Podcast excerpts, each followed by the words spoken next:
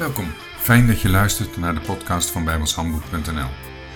Met vandaag weer een nieuwe bladzijde uit het Bijbels dagboek. Iedere dag een korte overdenking met als doel je geloof op te bouwen en te versterken.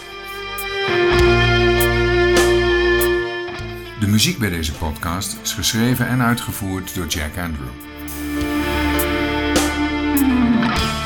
Het is vandaag 16 februari.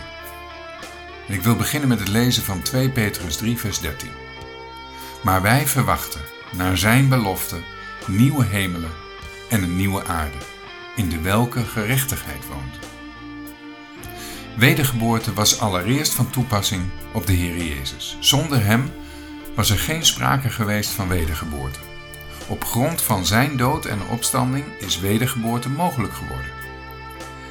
Ik lees Matthäus 19, vers 28, waar staat: Voorwaar, ik zeg u dat gij die mij gevolgd zijt in de wedergeboorte. Hier wordt wedergeboorte vervolgens toegepast op de gemeente van Christus, die zowel uit Joden als heidenen bestaat. Daarna zal ook de staat Israël wedergeboren worden, wel met een andere bestemming, zoals we al eerder besproken hebben.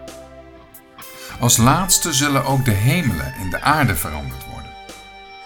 Het begrip wedergeboorte wordt van toepassing gebracht op de gehele oude schepping. De komst van de nieuwe hemelen en aarde is ook het resultaat van de opstanding van de Heer Jezus. In Romeinen 8, vers 22 staat: Want wij weten dat het ganse schepsel tezamen zucht en tezamen in barensnood is tot nu toe. De geschiedenis van de schepping zoals we die in de Bijbel vinden is vergelijkbaar met een zwangerschap.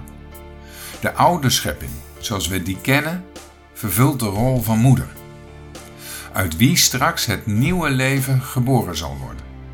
Hetzelfde beeld dus als de oude mens die de nieuwe mens in zich draagt.